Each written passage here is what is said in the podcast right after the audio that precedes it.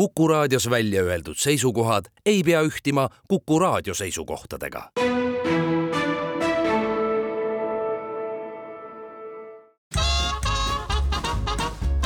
jäljed gloobusel tervist, kuna uudised on kuulatud ja neljapäevane päev on jõudnud oma kaheteistkümnendasse tundi, siis loomulikult alustab jälle saade Jäljak gloobusel. Ja stuudios on täna kolm inimest, kaks neist on täitsa loogilised inimesed. üks on Väino Laisaar ja teine on Andres Karu, tere Väints. tere Karu! Ja lisaks sellele on meil ka kolmas mees, kelle nimi on Ants ja tema on äh, pärit Saaremaalt tere! võime öelda küll nii, Ants, et sa oled äh, Saaremaalt, Ants Uustalu siis ööbiku resto peremees on meiega istumas äh, mõnusasti stuudios. Äh, taust, noh, seda teavad kõik ja noh, ega sa ei varja seda ära ka muidugi on ju, et, et sa Saaremaalt oled. ma tegelikult ei tahagi seda varjata, et keegi peab seda eesti keelekultuuri edasi ka viima ja küll need teised ka lõpuks hakkavad õieti rääkima. no Saaremaaga on minu meelest selline lugu, et sealt pärit inimesed ikkagi kipuvad kuhugi, võib-olla see tuleneb sellest, et elavad väikese saare peal ja ümberringi on meri ja, ja võib-olla võib-olla väga palju ei saa, nagu aru siin noorest peast ikkagi õnnestus veel eh, minna tal Soome. Eh, aga sellest alates on vaevanud teda see selline mäeotsa minemise haigus ja, ja sina oled tegelikult eh, umbes samamoodi saanud kannatada, et, et sind vaevavad maailma erinevad maitsed ja, ja üldse selline hea söök nii on jah, et Saaremaalt oli vaja välja murda ja, ja ma olen väga õnnelik, et ma seda tegin ja tõesti need maitsed mind siiamaani paeluvad ja nende järgi ma võin sõita kas lennukiga, autoga või kui saaks, läheks ka allveelaevaga mm.. sa, sa põhilise aja veedad äh, Raplamaa piiresse jäävas äh, noh, ööbiku restos siis äh, müttad seal mitte eriti suure tiimiga, teid on seal neli-viis ainult. ja mul tänaseks, kui ma ütlen, et kakskümmend viis aastat tagasi mul tekkis mõte, et ma tahan teha omale elustiili restorani, sest ma kunagi töötasin resto-, töötasin ja elasin Londonis ja, ja see, see Coca kogemus oli seal meeletu, et ma just olin tulnud Eesti sõjaväest ja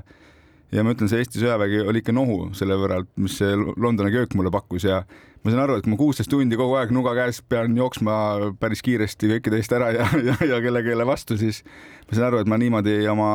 oma, oma toidukirge ei saa säilitada, et ma pean midagi teistmoodi tegema. Ja siis ma mõtlesin, et ma teen omale elustiili restorani, kus ma saan ise, ise valida, mida ma teen, millal ma teen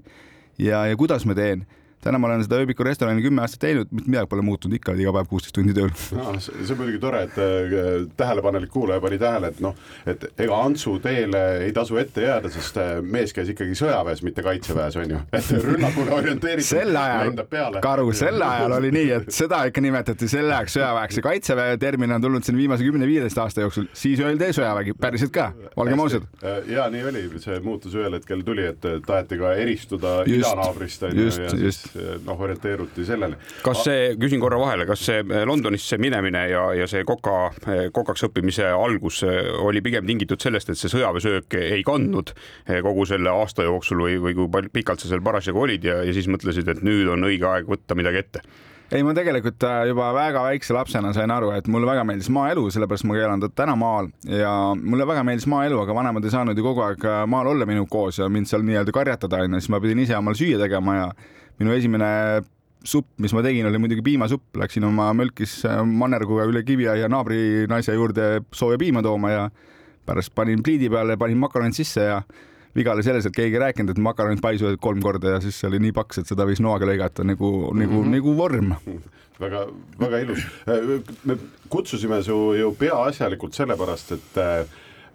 kui meie Väntsiga kuhugi raja taha sõidame, siis noh, meil on erinevad põhjused, minul on mäed ja Väntsil on lihtsalt see, et noh, saab kuhugi minna, siis tuleb sinna minna, on ju. ja järjest tuleb äh, valgeid laike kaardi pealt ära kustutada. ja aga sinul on tihti see ajend, miks sa lähed, on just nimelt see, et sa lähed äh, otsima mingeid maitseid ja ma kuskilt raadiosaatest isegi jäi kõrva sinu räägitud jutt, kuidas sa oledki tihti lihtsalt mingi ühe restorani pärast mingisse riiki näiteks läinud et on, on see tõesti nii sage, see maitsete otsimine või, või ongi sinu reisimine ainult läbi maitsete? ja ma arvan küll, et ma olen ikka alati öelnud, et kui mind toit ei huvitaks, siis võib-olla väga nii tihti ei reisiks, et käiks ainult mingisugustel, ma ei tea,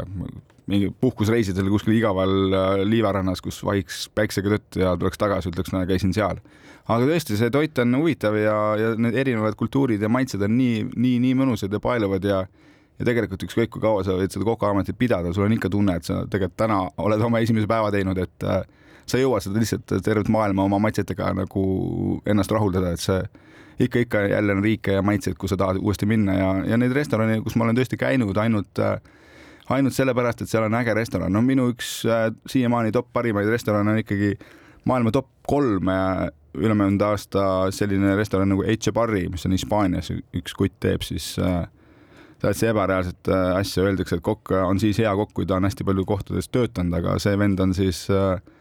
oma esimesest tööpäevast alates ainult selles restoranis töötanud, täna ta on viiskümmend kuus, nii et mul on arengut, ma olen seal kümme aastat ainult ööbikut teinud.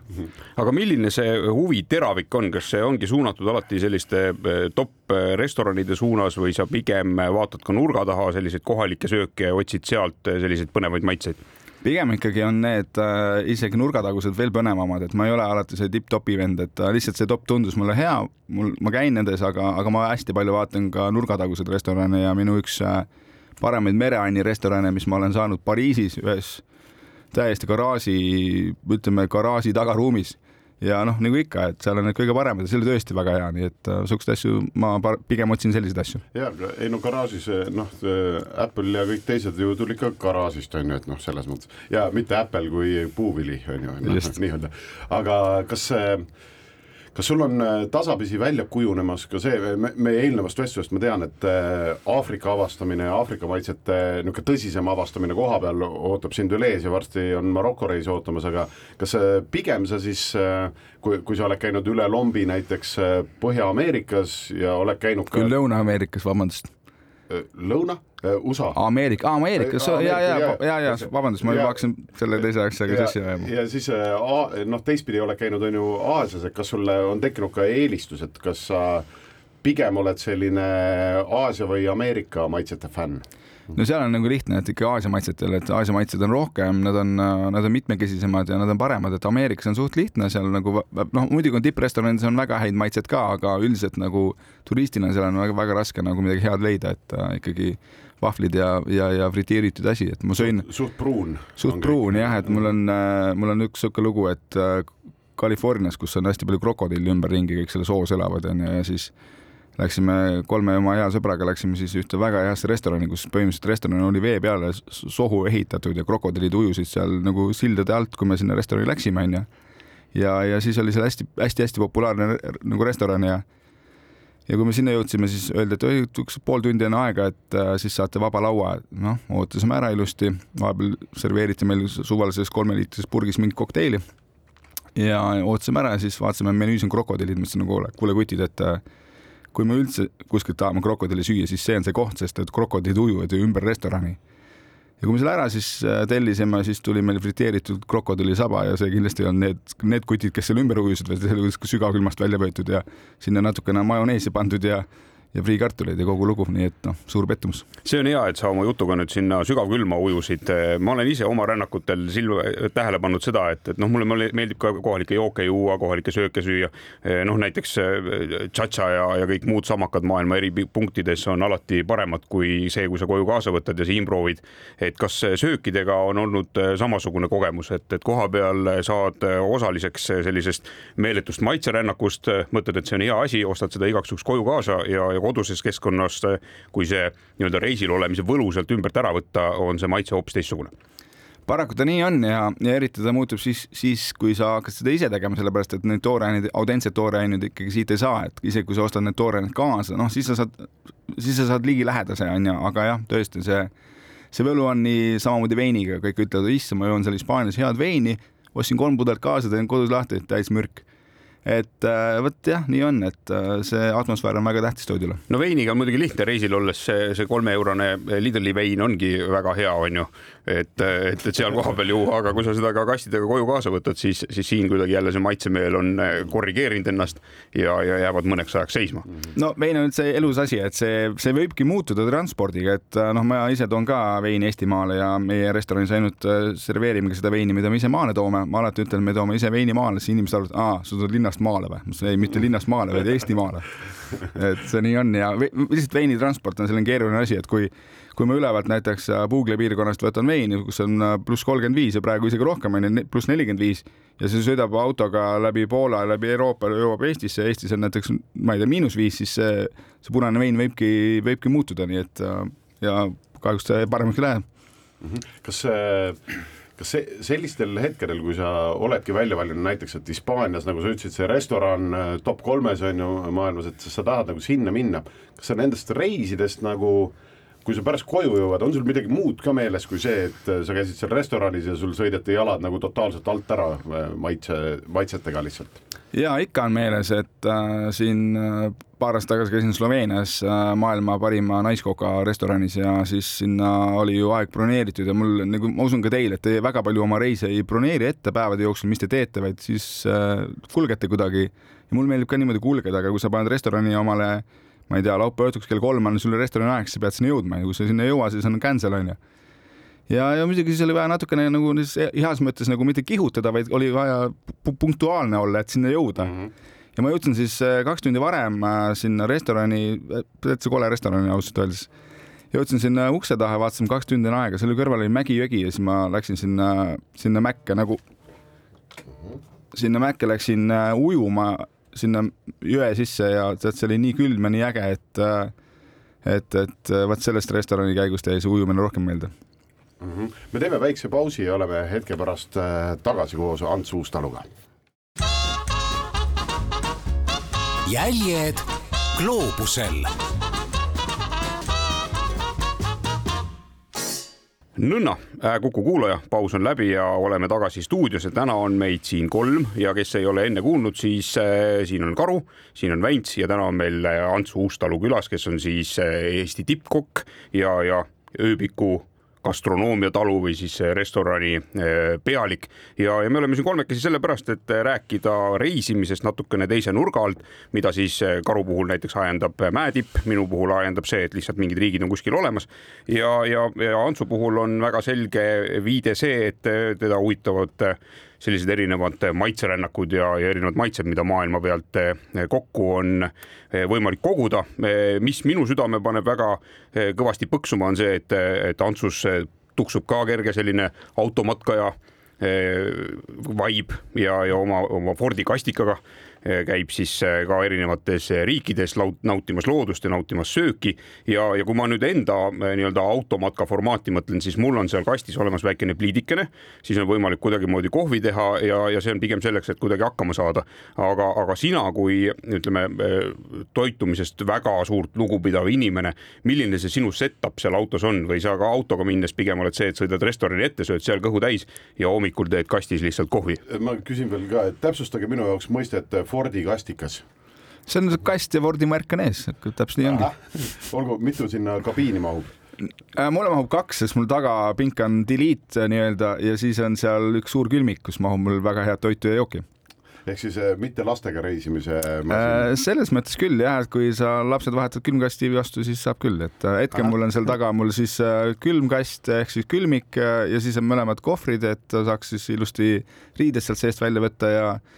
ja kui Vantsi jutu juurde tagasi tulla, et siis mina ei ole see väga inimene, kes sõidab autoga restorani ette, muidugi seda teen ka, aga minu setup on see, et mul seda pliit on mul kaasas olnud, aga ma ei ole seda kunagi tööle pannud. et mul on selline mõnus kokkupandav grill, söegrill, ehk siis ma panen ta, see on neljast erinevast plaadist, panen ta kokku, toon metsast hagu, teen söed ise ja siis hakkan süüa tegema, et see on nagu sihuke nagu, ma peaks ütlema isegi siin nüüd, ma olin äh, kuu aega Norras päris siin kuu aega tagasi täpselt ja siis äh, see oli minu niisugune nagu isegi reiside highlight, et oodata neid õhtud, et saaks selle grilli jälle sütt täis põletada ja siis hakata näiteks põhjapudramakse tegema või või siis mingit kohalikku haugi, mida kuskilt äh, jõest oled välja sikutanud ja nii edasi. kui te olete kahekesi naisega, ma siis eeldan, eks ole, et siis kas see sada protsenti kordadest oled sina pliidi taga või? ja sada viis, sada viiskümmend isegi. Äh, see mulle meeldib, et see on äge, et, äh, et mõnus ja teised need tuhast tehtud kartulid, noh, ei ole selle vastu eriti midagi saada, onju, kui sa paned ikkagi fooliumi sisse kartulid, pisikese võitüki, natukene soola, viskad need süte sisse, natukene ootad, teed lahti, paned veel võid, natuke rohelist sibulat, noh, väga mõnus. mis on need Norra sellised ütleme suuremalt või, või enim meelde jäänud eh, toidukogemused, noh, ütleme sa räägid, et korjad hagu, ega sealt Põhja-Norrast suurt hagu korjata pole, on ju, mingisuguseid kepikesi võib-olla kuskilt leiab, seal on aga lihtsalt mõned kivid, mis äh, põlevad paremini. ja, ja on pehmed, lähevad Ja, suure ja. põletamise peale pehmeks. aga, aga noh, kui ma mõtlen ise Norra selliste rannikukülade peale, siis suure tõenäosusega igalt poolt sadamatest saab osta mingit kala, seal on kindlasti krabisid, on ju, noh, seda. Absoluutselt on ju, mida kõike teha saab eh, põhjapõtradest ja, ja nendest asjadest rääkimata ja, ja siis on see eh, tursk, see tore kala, mida, mida minu teada vist saab ka kirjaklambriga püüda, on ju. et, et kas sul on mõned eh, sellised maitsed, mis on väga eredalt just Norraga seotud või Norraga seoses meelde jäänud? ja me käisime seal Kamtšatka krabisid püüdma, mis on siis täiesti uskumatu, maailma suurimad krabid siis ja, ja, ja neil on tõesti see üks, üks jalg võib olla kuni poolteist meetrit pikk ja neid on tal üheksa tükki, tegelikult ametlikult on üksteist, kaks tükki on peidus ja üks on kuskil veel taga ja see nagu see on tõesti minu selline nagu kõikide nende hunting ute käigus, mida ma olen teinud oma teel kõige nagu ausam, kõige väärikam, kõige maitsvam, kõige-kõige parem, et äh, näiteks kui me siin vahepeal rääkisime Horvaatiast äh, või pole rääkinud, siis Horvaatias näiteks trühvli hunting oli selline, et need trühvlid peideti ennem sinna lehtede sisse ära ja siis tuli koer ja siis kõik ame ameeriklased plaksutasid, issand kui tubli koer on, onju. Tegelikult see on niisugune natuke sohk, onju. siis äh, Norras äh, krabi püüdmas käia, eriti Kamtšatka krabisid, mis on väga palju, väga maitsvad, siis see, me käisime päriselt ka mere peal ja õigete riietega, õigete laevadega ja asjadega, pärast keetsime ära ja nii edasi. minu teada on see üldse võõrliik, kes lihtsalt eh, mööda O- merepõhja trambib sinna koha peale ja hakkab kohalikku floorat ja faunat hävitades ennast uhkelt sisse seadma, nii et Just. eh, sööge, sööge neid Kamtšatka krabisid. aga, aga no nagu ikka norrakas, ega ta ju selles mõttes teeb oma, oma äri nagu õieti, et äh, neid on väga palju, neid on väga palju seal, aga nad hoiavad hinda ikka väga kõrgel ja nüüd, kui Venemaa on kaardi pealt ära kustutatud, siis nende hind ainult tõuseb, sest Kamtšatkat nad enam kätte ei saa. ja neid on tõesti seal Botnia lahes ikka väga-väga palju. kas see, sa, sa enne mainisid, et äh, nagu kuidagi Aasia on sinu südamesse nagu rohkem sisse pugenud, et kui sinnapoole hüpata, et kas äh, no esimene asi, mis minul seostub nagu Aasia poolega ja nende köögiga on äh, puhtalt see tänavatoit. kas, kui sa oma reisidel käid, et kas äh, sa leiad neid maitseid pigem tänavalt või pigem äh, väga headest restoranidest? no pigem ma leian ikkagi häid maitseid ikka heas restoranis, sest et äh, selle tänavatoidu, toiduga on alati niimoodi, et kui sa lähed sinna, noh, ütleme, käid mööda Aasia, mis iganes linnas sa siis oled, onju, käid mööda Aasia tänavaid, sul on selline nagu tšilli ja ingveri sihuke hõng on õhus kogu aeg, onju, pea veits, et on juba uimane sellest ja sa vaatad neid asju, see näeb kaugelt väga ilus välja, kõik see rahvamass ja kõik nagu väga apetiitne. Aga kui sa seisad seal järjekorras, siis sa hakkad vaatama seda hügieeni poolt onju ja mina kui suht nagu pedant onju hügieeni poolest, et noh, köök peab ikka korras olema ja puhas onju siis ma vaatan ja lõpuks, kui ma olen seal viisteist minutit ootanud, siis ma enam ei tahagi seda toitu, sest ma näen, kuidas kuidas seesama kana, mis sulle kohe pakutakse, on tegelikult ootamas elusana veel sealsamas all juba oma järge, et mõtled, et ja ei, ei ma siis jätan vahele ja, ja, ja, ja nii ma olen äh, küll käinud hästi palju vaatamas neid, ma olen ka mõnes kohas muidugi võtnud süüa, aga, aga jah, see tänavatoidu kultuur ja see see, see ausus ja, ja see südamlikkus, mida mina restoranis alati ootan, et kokad teevad sellepärast süüa, mitte palka saada, vaid sellepärast neile tõesti meeldib süüa teha, seda ma sealt tänavalt ei näe, et ma ikka näen niisugust nagu saaks turistilt vähe- natuke raha ja võta see, võta see friteeritud kr- krab, krabi. kusjuures, kas, kas sul on mingeid nippe nagu pakkuda, et äh, vaata äh, noh, hästi paljud, kes Aasia poole nagu lähevad ja näiteks eriti kui nad lähevad esimest korda kuhugi, ma ei tea, Taisse või Kambodžasse või kuhu iganes, et ka väga paljud äh, selle tänavatoiduga kuidagi teema, teevad endale ka liiga ja paljudel nii-öelda on põhi alt läinud ja süda paha järgmised kuus päeva on ju, või no liialdan võib-olla kolm on ju. kas see mingeid nippe on, et kui tänavatoitu tahad ja seesama hügieeni pool, sina kui pedant on ju, et kuidas, kuidas ennast kaitsta selle eest üldse, et, et sa ei saaks nakkust külge? Kas no- vahel ongi see lahendus ainult see, et ära võta? ja kindlasti number üks lahendus on see, et äh, esi, esialgu vaata ikka üle, et kuidas see set-up sul seal pandud on, et kui seda prügi ja laga on ikka väga palju ja, ja see inimene, kes seda toitu serveerib, on, ma ei tea, paljajalu ja, ja küünealused mustad, siis ikka väga ei tahaks, ei tasuks võtta seda toitu.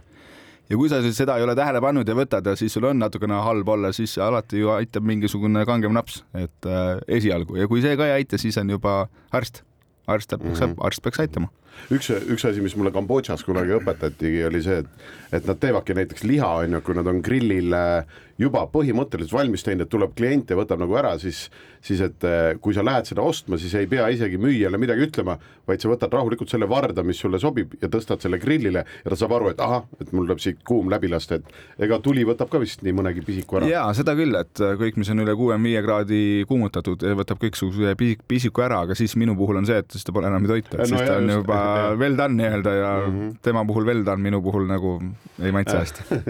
see pidi olema jah, et, et kui Covidi ajal tuli kahe meetri kaugusele hoida inimesest eh, noh, et mitte saada nakkust, siis inimesest, kes nagu well done liha tellib, tuleb hoida poole kilomeetri kaugusele. oli mingi, kuskil oli keegi mainis nii ilusasti. nii on no kui jah kui te siin enne äh, rääkisite nendest Aasiast ja, ja, ja kanadest asjadest, siis ma arvan, et iga inimene, kes on Aasias käinud, ei saa oma silmade eest ära äh, kustutada seda pilti, mis seal erinevates tänavasöögikohtades on, kus need sellise kollase valguse all ripuvad äh, sellised lumivalged haned niimoodi kaelad kõveralt või siis, või siis kanad ka, mis siis kohe sealtsamast kuskile grilli peale või, või siis fritüüri või, või kuhu ta parasjagu sealt tõstetakse, et see, see on minu meelest üks selline nii-öelda äh, Aasiaga äh, kaasas käiv pilt alati. ja teine asi, mis on alati see, minu esimesi selliseid Aasia restorani, restorani kogemusi oli, oli ikka päris huvitav, et äh, läksin siis ühte mingi tänavatoidurestorani ja ja, ja kui ma olin toidu ära tellinud ja see oli talliku peal ja see, ma ei mäleta, mis see oli, aga see enam-vähem maitses. ja siis vaatasin, et äh, kõrvallauas siis äh, oli ka tellitud toitu ja ja siis võeti see taldrik kuskilt kellegi teise kliendi käest, pandi sellisesse nagu meil on Rakvere kastid on ju, see plastmassist, pandi sinna külma vette, solgutati kaks korda, tehti paberiga puhtaks ja pandi toit peale, viidi kliendile, siis ma, siis ma, see oli umbes kakskümmend aastat tagasi, see äkki oli isegi Kuala Lumpuris, mitte päris Aasias. Ja siis ma sain aru, et ahah, et siit, siit nüüd Ants, ole nüüd valmis, et kõik hakkab juhtuma. okei okay., kas äh, me, me muidugi ei ole pikalt äh, võimalust sellest rääkida, sest kohe jälle peame oma regulaarse pausi tegema, aga äh, kui sa tooksid välja ühe, ühe paiga, mis, kuhu sa Aasias näiteks iga kell tagasi läheks, sest seal on nii palju toidukohti veel ja toidu, noh, nii palju maitseid, mida veel avastada, siis mis, mis koht see oleks? Kus ma tagasi läheks või sinna, kus ma uuesti tahaks minna? või kuhu sa tahaksid uuesti minna, jätame mõlemad võimalused. ma, ma tahaks minna, ma ei ole käinud Vietnamis, ma tahaks kindlasti sinna minna ja ma tahaks sinna natuke seljakotiga minna, teil kindlasti on kõva kogemus sellega, ma eeldan, et äh, ma tahaks minna sinna seljakotiga täitsa vabalt, et ma ei peaks äh, jälgima seda, et äh, kus mu auto on ja, ja kus ta pargitud on, et äh, Vietnam oleks kindlasti see koht, kus ma tahaks minna. me oleme hetke pärast tagasi, täna on Jäljak Gloobus äh, stuudios kolm meest. Väino Laisaar, Andres Karu ja Ants Uustalu. Jäljed gloobusel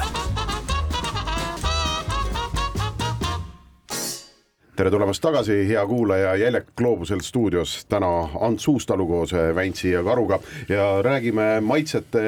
järel maailmas ringi kolamisest põhimõtteliselt ja üks koht, kuhu sa jäid pidama kunagi äh, nii-öelda noore, noore kokana, võib ju nii öelda, noore kokana, oli London, kus sa lõpuks olid ju kolm aastat. mis see kolm aastat, mis sa seal õppisid, mis sa tegid? Kõigepealt äh, peaks natuke mainima seda, kuidas ma sinna Londonisse läksin, et äh, väga imelik oli sinna minna, sest mul oli ainult ühe otsa pilet ja rohkem raha mul ei olnudki. ja see oli natukene, natuke raha, et äh, mingit üürikohta võtta ja, ja, ja nii oligi. tavaliselt lähed reisile ikka on noh, edasi-tagasi pilet, aga sinna oli ainult üks pilet ja, ja, ja, ja tagasi teda enam ei olnudki. ja, ja läksime siis üks mees siin kui nii kiirelt rääkida, siis äh, Tallinnas üks mees lubas meile seal e- elukohta ja, ja ta tegelikult seda lubaski ja saimegi mingi elukoha ka ja, meile muidugi toaüür oli rohkem, kui me Londonis tol ajal palka saime. nii et kogu aeg tuli ikkagi Eestist raha juurde kraapida, et seal üldse elada. aga ma olin siis seal tööl jah, olin äh, algul poolteist aastat ühes väga lahedas ja väga kõvas kohas äh, restoranis ja sealt tuli karjääripiir ette, et kohalikud äh, poisid mind enam ülespoole ei lasknud, sest nägid, et ma võtan nende leiva ära aga mis Ja- see, mis see üldse tähendab, et kui sa lähed kuhugi restorani, kui sa ütled, et kõva koht, mis see tähendab, mitu kokka seal köögis nagu töötab korraga? no kokke oli meil seal ikka päris palju, seal ühes vahetuses oli mingi viisteist venda ja kõik oli ju eri rahvustest, see on ikka nagu rahvaste paabel ja iga vend on oma egoga ja noh, seal, seal tõesti, kui köögis nagu ei tohtinud noh, et tegelikult äh, ei tohtinud ühe, ühtegi halba sõna ütelda ja omavahel kakelda ei tohtinud, siis äh, riietusruumis olid äh, riietuskapi uksed kõverad nagu silliuksed, et seal käis kõva andmine. okei, ja, ja see, kus maal see piir siis ette tuli, et äh, top mitmesse sind ei lastud siis? ei, seal oli niimoodi, et algul nagu ikka idaeurooplane vaadatakse, ahah, et pannakse siis kõige madalamasse nii-öelda sektsiooni ehk siis külma kööki, et päris nõudepesusse ei pandud, õnneks seal olid äh, musta. lõikad kapsast päev otsa siis? põhimõtteliselt lõikad kapsast, aga see kapsalõikamine peab olema ka nagu väga-väga hästi, et äh, ja siis hoiti mind seal tükk aega kinni ja seal on niimoodi, et kui sa tahad järgmise astme peale minna, siis sa pead tegema eksami, ei ole nii, et kuule, ma lähen minema, kui sa palka ei tõsta, onju. siis ütles davai, tahad palka juurde, tee eksam, onju. see eksam on kõik prantsusekeelsed väljendid ja kõik nii, nii ja naa, onju. teed eksami ära, siis saad äh, palgakõrgendust ja sellega ka nii-öelda ametikoht äh, läheb paremaks, siis saad minna teise, teise sektsiooni, et seal on siis äh, külmköök, siis oli seal köögiviljaköök, kala, peister ehk siis kondiiter onju, liha ja siis olid veel äh, liha siis kõrvalsaaduste nii-öelda osakond. Ja noh, neid kokke ja neid oli seal veel, aga noh, need olid need positsioonid, mida siis pidid juhtima seal. Ja ja kui ma lõpuks siis lihasse jõudsin ja lihast edasi oleks olnud siis ainult siis suussef, kes siis on siis peakoka parem käsi ja siis on äh, esimene peakokk ja siis teine peakokk, et äh, sinnapoole mind enam ei lastud. Ja siis ma arvasin, et mul on seal juba kõik nähtud ja tehtud ja ja peakokk ise oli, mul oli üks, mul oli kaks peakokka, üks oli kohalik inglane, kes ka täna väga kuulus on ja teeb kokasaateid ja päris kõva vend on. inimesena ta väga hea ei ole, aga kokana, kokana ma pean ütlema, müts maha, oskas süüa teha ja teine oli poolakas, kes oli inimesena ka väga okei okay tegelikult ja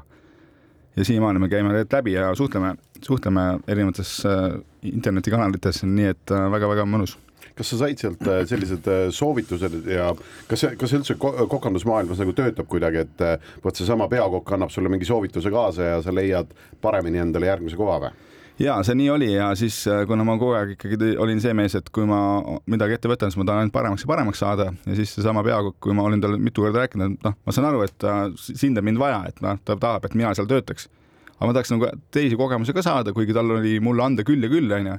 ta saatis mind erinevatele koolitustele, näiteks ma olin Billsgate'i kalamarketil, mis peaks olema Euroopa üks suurimaid kala, kalaturgusid, siis ma olin kolm päeva fileerisin kala seal ja noh, hästi-hästi lahe, et kõik maailma kalad ja kõik asjad ja sain hästi palju nagu tarkust juurde, aga ühel hetkel ta siis sai aru, et ma ei jäta seda ja siis ta ütles, et okei okay,, Ants, mul on üks prantslane, üks sõber, lähed tema juurde tööle, ma annan soovituskirja ja siis lähed sinna. aga noh, prantslased on kõigi maailmas päris karmid vennad ja natuke isegi mitte väga sõbralikud ja tõsi ka või? huvitav. ma olen kuulnud, et eh, sees pidid nad turistidena käituma päris nõmedalt. ja just, just, et eh, siis ta, siis ma läksin sinna ja siis prantslane ütles, et see on mingi vana puumaja, mingi täiesti viltuse põrandaga, siuke köök oli ka siuke nii-naa, aga noh, kõva hästi,, hästi-hästi kõva koht, ütles, et noh, läksin esimesele proovipäevale onju, tegin seal mingi kuus tundi tööd nagu rabasin nagu hull onju, kogu aeg sain söömata, siuke tunne nagu üldse süüa teha ei oskaks ja siis äh, vend ütleb mulle, noh, siis, oli, siis oli valida, et mina ütlen talle, lükka mulle lepingu ette, kirjuta alla, tule homme tööle, ütleb, et tead, Ants, ma ei saanud täpselt aru, et äh, kurat, tule, tee üks proovipäev veel, ma ei saanud täpselt aru, kes sa oled, onju. siis mõtlesin, et kuule, loll oled, et äh, päris nii ikka asju ei tehta, et äh, ma nüüd, ma ikka tean, kes ma olen, et thanks, et ma siin tasuta tööl küll ei käi. ja läksin minema sealt ja siis ma läksin sellisesse kohta tööle nagu nagu rendi, nagu rendikokk, meil oli siuke agentuur, kus oli sada viiskümmend kokka ja neid siis renditi välja, kui, kui kellelgi Londonis äh, kellelgi hakkas pea valutama või kellelgi kõht lahti oli, kes ei saanud tööle tulla, siis sealt rendifirmast siis renditi kokku omale. Ja, ja see oli hästi-hästi äge kogemus ja algul oli seal nagu taga, lõpus pidid olema, aga lõpus, kui sa ennast tööstasid, siis said äh, top kümnesse ja top kümme oli siis see, kes siis asendas peakokkasid ja ja seal ma olen käinud saja viiekümnes erinevas köögis, nii et väga äge. see on ikka äh,, minu jaoks on see täiesti hoomamatu, onju, et vaatame äh,, ma ei tea oma köögiski, kus asjad asuvad, aga noh, kui sa äh, ikkagi lähed nagu sa pead peakokana minema asendama, palju sellest võib ju olla nii, et sulle antakse seda teada umbes eelmisel õhtul, et kuule, järgmine hommik on vaja peale ja see tegelikult käiski niimoodi, et sa õhtul kell kuus või seitse, kui tööpäev läbi oli, siis olid kõik need äh, inimesed, kes nagu teadsid, et neil rendikokka vaja on või peakokka vaja on ja siis nad olid selle agentuuri teada andnud ja siis sa said sõnumi. said, äh, sõnum oli selline metroopeatus, kus sa pead sõitma metrooga ja siis oli see restorani nimi, oma, omad noad kaasa. homme kell kaheksa, ole kohal ja siis, äh, mis sind seal, sa ütlesid sada viiskümmend kööki, mis seal siis vahel nagu ees ootas, et äh, see oli ka nagu seinast seina täiesti, et mõni oligi noh, et äh, natuke viltu ja teine oli nagu selline, et ei julge isegi nagu astuda kuhugi. no reegel on ikka see, et äh, eestlane ikka enam-vähem kõik viltu olid, et see bardakki oli päris palju ja vaata, kui sul on hea restoran, kus on kõik asjad on korras ja kui sul üks kokk jääb haigeks, siis teeb peakokk selle töö ära aga need, kes, kes ei suuda nagu seda tööd teha, siis nad ikka noh, rendivad, see on nagu see, kui sa rendikokkust kasutad, siis näitab, et see restoran ei ole nagu päris õiges, õiges vormis, et aga, aga see menüü nagu menüüga ennast kurssi viimine ja sellele restoranile nagu minu jaoks tundub see täiesti utoopiline, et sa lähed nagu kohale ja sa põhimõtteliselt oled valmis pakkuma siis nagu menüüs kirjas olevaid toite või oli seal mingi mänguruum, et sa võisid oma toidud nii-öelda nagu kaasa võtta või? Äh, tegelikult või... ei olnud mänguruumi ja mul on isegi nii, et ma olen guugeldanud neid, et äh, mul on kaks tundi aega lõunat serveerida ja ma ei tea, mis, kuidas seda toitu tehakse, ma olen guugeldanud neid ja ma, ma ka sellest tegelikult ei saanud aru, et ma olen maailma erinevates riikides söönud Caesari salatit ja need on kõik erinevad ja kui sa oled rendikokk ja lähed oma Caesari salatit tegemise teadmisega kuhugi restorani, kus on vaja Caesari salatit teha, siis tuleb see üks päev ühe, ühtemoodi ja teine päev teistmoodi või? ei, tegelikult on nii, et eh, igal retseptil on mingi originaalretsept, et seda nagu väga nagu ei saa tuunida ja ja sellepärast seal pekstakse ja taotatakse nii kõvasti neid kokkasid, et eh, igaüks peaks oma seda basic'ut teadma ja ja, ja õnneks see vundament on ikkagi minul küll olemas ja see Londoni kogemus oli väga-väga mõnus ja tõesti, vahel oli vaja guugeldada, et aru saada, mida sa tegema pead. palju sa üldse Londonit ennast nagu ja ma ei tea, kas sa Londonist välja ka selle kolme, noh, tõenäoliselt jõudsid, aga et et kas sa seda Ühendkuningriiki nagu jõudsid ka avastada? no oma nugadega ikkagi käisid ringi seal onju ja see Londonis, äh, Londonis sai ikka natuke rohkem ringi käidud ja kuna ma endine rattasportlane, siis ma olin ka seal äh, mountain bike'iga ja sõitsin hästi palju vabadel päevadel, nii palju kui neid oli, siis ütleme kahe nädala jooksul kaks tükki ikka tuli ära võib-olla. ja sõitsin hästi palju Londonis ringi rattaga ja see London on mul tõesti risti-rästi läbi sõidetud ja, ja välja sain ka ja üks väga äge koht, kus on Dover, kus kindlasti teate, olete autodega sõitnud seal ja see on see valge, valge kalju ja seal seal mägedes olen sõitnud ja see Valgede kaljude sees on ju sõjaväehaigla, mis on äge, nii et kui keegi sinna, kui keegi sinna satub, siis tasub kindlasti külastamist, see on selline, selline sõjaväehaigla muuseum, kus sa siis lähed sisse, siis on kõik need originaalhelid, keegi karjub operatsioonilaual, kuskilt tilgub verd, mingi verine kalts on maas, noh, kõik sihuke spooky, spooky, väga mõnus. On sul selle koha pealt, Ants, nagu äh, noh, paika pandud ka näiteks äh, lisaks Marokole mingi koht, et kuhu sa, kuhu sa lähed näiteks aastal kaks tuhat kakskümmend kolm veel äh, maitseid otsima? ma täna vist enam see aasta nüüd maitseid otsima ei jõua, kui siis ainult Eestimaal, sest mul on ka ettevõtlus, mis nõuab natukene karjatamist ja tegemist ja, ja, ja loomulikult ettevõtluse arendus nõuab jälle raha ja siis, kui raha vaja on, siis pead tööd tegema, et ma praegu ei ole planeerinud endale rohkem kui nüüd äh, mõni Ida-Virumaa tripp elektrirattaga, aga sealt vist väga suuri matsid ei leia. no mine tea küsin siia lõppu sellise asja, kas sa oled mõnest põnevast riigist, kuhu sa oled neid maitsenaudinguid otsides jõudnud välja, leidnud ka midagi sellist kodust? mina tulin näiteks eile Liivimaalt ja, ja leidsin sealt siis nii-öelda kohalikust kuisiinist endale väga koduse ja tuttava asja. ma need, seda kohalikukeelset nime ma nüüd ei mäleta, aga see põhimõtteliselt oli selline nagu ilma kartulita tehtud mulgipuder noh, niisugune hästi-hästi tummine, umbes nagu neljavillapuder, aga hästi vähese veega tehtud. Ja kartulit sees ei olnud, siis minu lapsepõlv näiteks, eh, kui ma maal vanaema juures olin, siis meil nimetati seda segapudruks, oli, oli täpselt samasugune asi ja sinna siis vanaema praadis juurde mingisugust seakamaratest lõigatud selliseid kuubikuid. Ja, ja, ja see minu jaoks tõi nagu ühe hetkega sellise eh, tõsise lapsepõlve meelde. okei okay,, Liivimaa on meil siinsamas ja eks meis kõigis ole natukene liivlast, aga, aga, aga noh, mõtleme mingitest kaugematest riikidest ja tegelikult seesama Sloveenia, kus ma eelmine aasta käisin seal parima nais äh,, naisrestoranis äh,, just parima maailma parima naiskoka restoranis, siis seal oli siis üks käik nendest mitmetest oli siis selline tavaline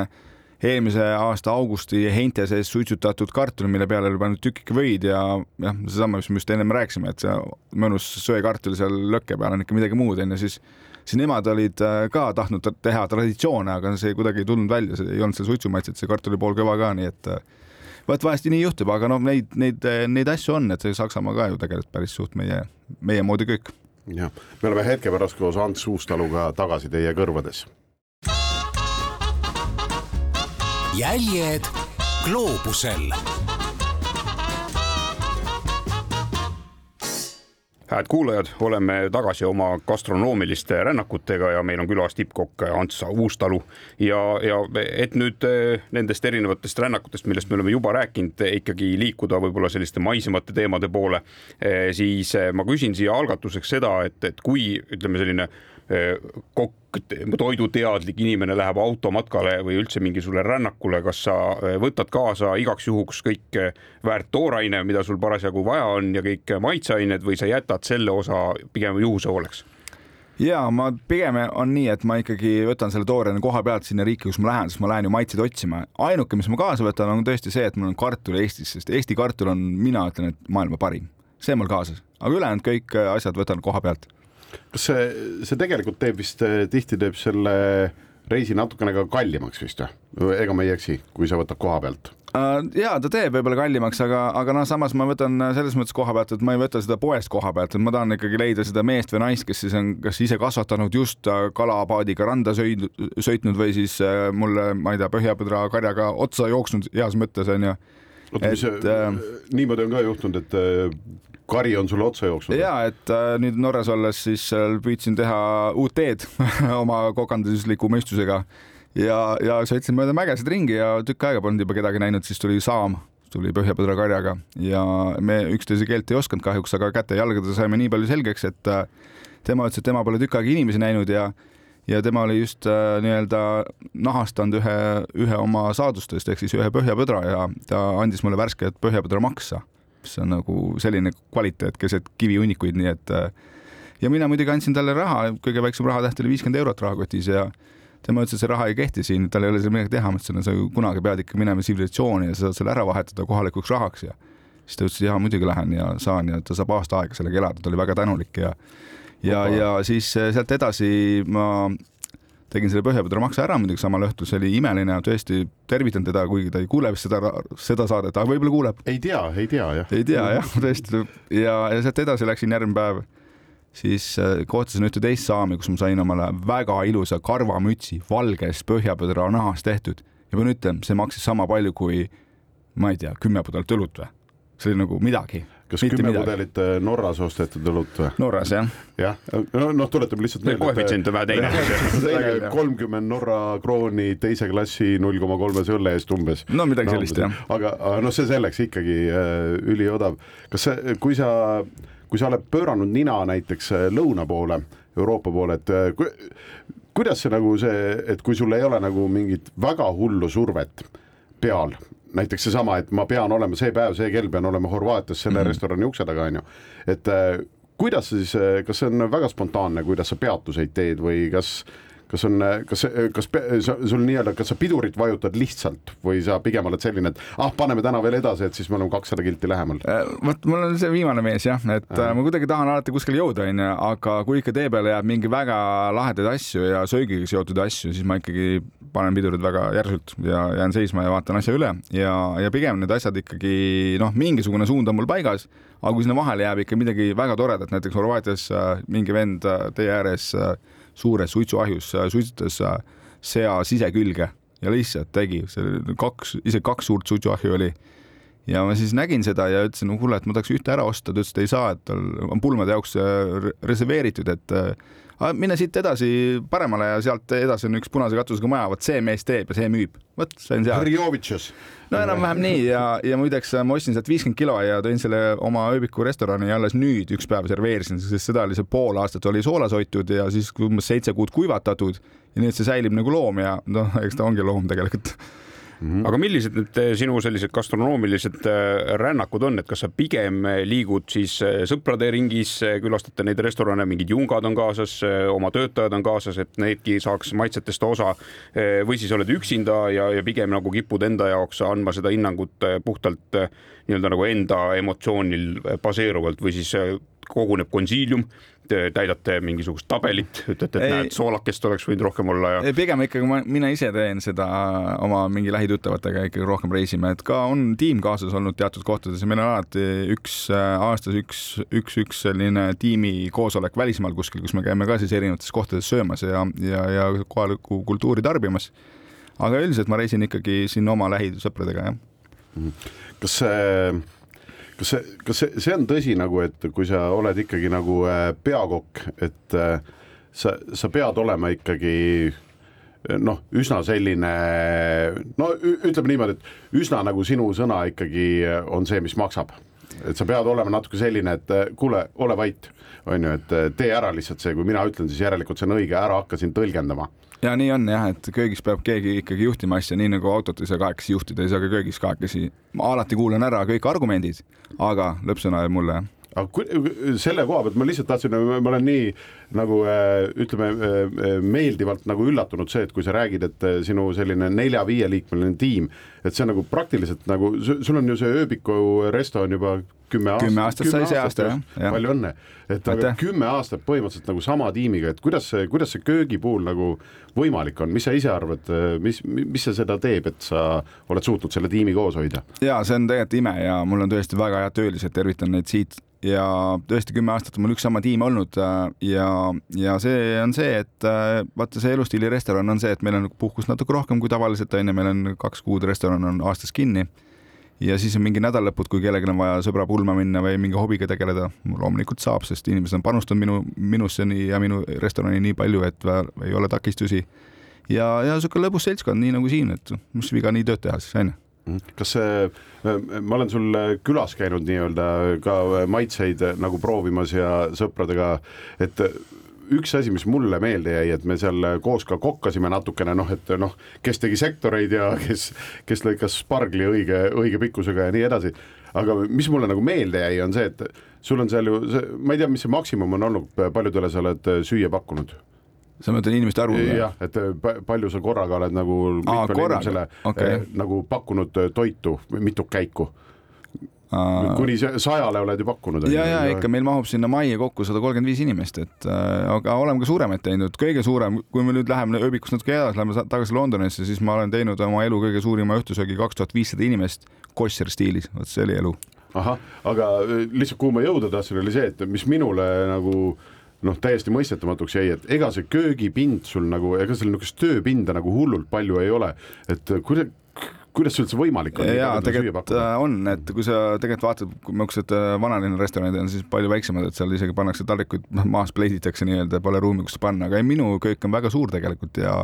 puhas organiseerimine ja professionaalsus, ega siin muud ei olegi kui sa oma köögis oled selge kunn, noh, nagu sa siin just ütlesid, on ju, sinu sõna maksab ja noh, see ongi loogiline, on ju. kas siis on tulnud ka mõnel välisreisil ette selline olukord, kus sa ütled kohalikele meestele sealt toitutellijale, oodake, ma nüüd tulen näitan, kuidas seda asja õigesti tehakse? ma neile õpetama ei kipu, kõigi kööki satun küll väga tihti oma reiside jooksul ja alati räägin ja saan tuttavaks mingisuguste kokkadega või restorani omanikega, aga ma õpetama ei hakka, et see on selline tänamatu töö, et iga mees teeb nii nagu oskab, et minu asi pole seda hakata seda dirigenti mängimisel. aga kuidas sa üldse, äh, kui sa oled, sa lähed restorani, kas sa siis enne juba lepid kokku, et kuule, et ma tulen ja ma hea meelega tahaks äh, öelda tere ja panna käe pihku, on ju, äh, noh, mõnusasti peakokale, et kas see lepitakse enne kokku või see tekib kuidagi jooksvalt ja koha peal? nii ja naa, et mõned on enne kokku lepitud, aga tegelikult ikka jooksvalt ja koha peal, et mulle ikka meeldib selline spontaansus ja ma ei ole ka mingisugune maailma suur kuju, et kõik peaks kummardama ja ootama mind, et ma suvalen Ants Saaremaalt ja lähen ja teen oma asju ja.... et ei ole mingit Cocafy äppi siukest, et kui võõras kokk üle ukse tuleb, siis läheb kuskil suur tuli põlema, et noh, sellises nagu toidukriitiku eh, kartuses ja eks äh, seda äppi ei ole, aga no eks see ring on, äh, ring on ikkagi jah, Eestis on vähemalt me teame, kes on kriitikud ja kes mitte, et äh, nii on. nüüd rändajatena ja noh, te sarnanete Väntsiga nagu selle koha pealt natuke rohkem, et teil tihti on neli ratast all, kui te kuhugi liigute. ma küsin lihtsalt mingeid soovitusi, et kui, kui noh, et kõik tahaks ju nii-öelda viia järgmisele levelile oma matkal söögi tegemise oskuse ja kuidagi, et mingeid lahendeid leida, mis oleksid nagu mitte liiga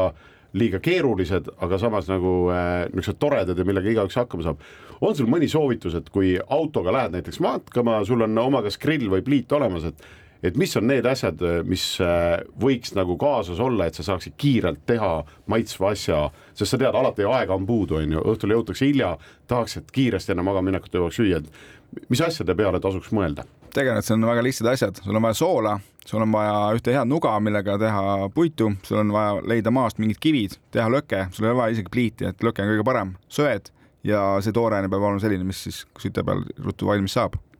väga lihtne okei okay,, aga isegi nagu mingite, mingite nagu mingit toorainet nagu rohkem nagu kaasa võtta, sina ütled isegi, et ei ole vaja, et kõik vaatad nagu tee peal. mina vaataks tee pealt jah, siis sa saad neid kohaliku maitseid nagu eraldi, et siin äh, ka Norras hästi tuntud soolatud äh, tursk on ju, et seda siis pead ennem leotama, et sellega ärge siis, ärge seda võtke, et sellega läheb aega natuke. no minu toidu tegemise oskusi, need õpetused nüüd kuidagi edasi ei aidanud, mina suudan iga kord ka äh, munad panni peal ära põletada, aga nüüd üks nädal nägin, Aevidu Alexelas olid juba valmis praetud munad sellises kilepakendis et järgmine kord ma võtan need kaasa, lasen lihtsalt soojaks. muideks lõkke peal muna keetmine on väga lihtne ilma veeta, et äh, paned seesama munarest, mis on, paned selle vaikselt ööguma ja see selle kuumusega saab ise valmis või siis kuskil resti peal, nii et vett ei olegi vaja. no ma proovin, eks sa siis kuskilt uudistest kuuled, kui on, olen kuhugi asunud seda muna tegema. Äh, meil oli tegelikult Antsuga plaan, et kui me ta külla kutsume, et siis äh, kuna ta hiljaaegu käis Lõuna-Koreas äh, ka sellisel maitsete avastamise retkel, et me mõtlesime, et me räägime sellest ka. aga kuna me ei jõudnud, siis Ants, kui sulle sobib, siis me kutsuks su korra veel endale külla ja räägiks natukene lähemalt sellisest toredast Aasia riigist nagu Lõuna-Korea ja hea meelega tulen tagasi.